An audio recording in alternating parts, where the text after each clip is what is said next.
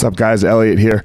Um, before we get started, I have started a Patreon account. Patreon is a place where you can go to help support the podcast. Uh, I would greatly appreciate it if you are finding it useful. I have one tier right now um, for the first 50 people.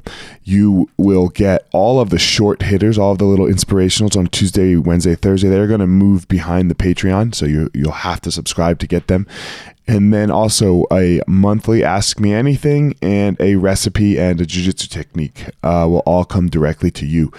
And that's it. So patreon.com backslash elliot marshall.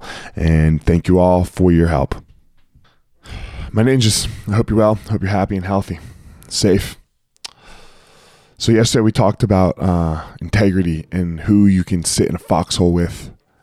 So let's keep up on this theme of integrity. How can we have integrity? Um,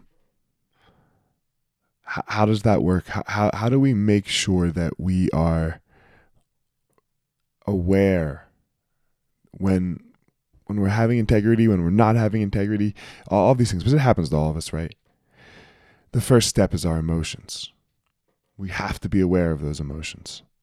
How am I feeling? And we have to just say them to ourselves. So I'm going to ask uh, I'm going to challenge all of you. After we wake up every day, I want us to do a little check in with ourselves. I want you to ask yourself, how am I feeling?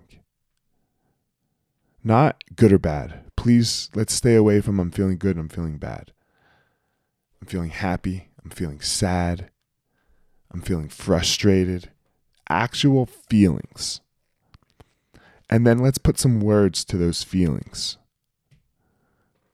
I'm feeling frustrated because.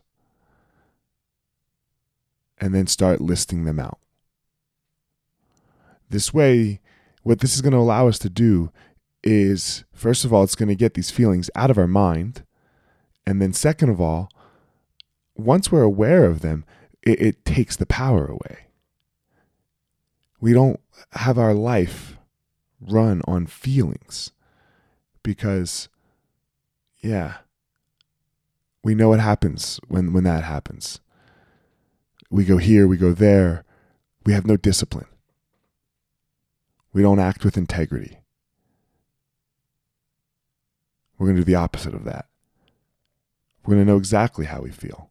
We're going to figure out why we feel that way. And that's going to allow us to find our power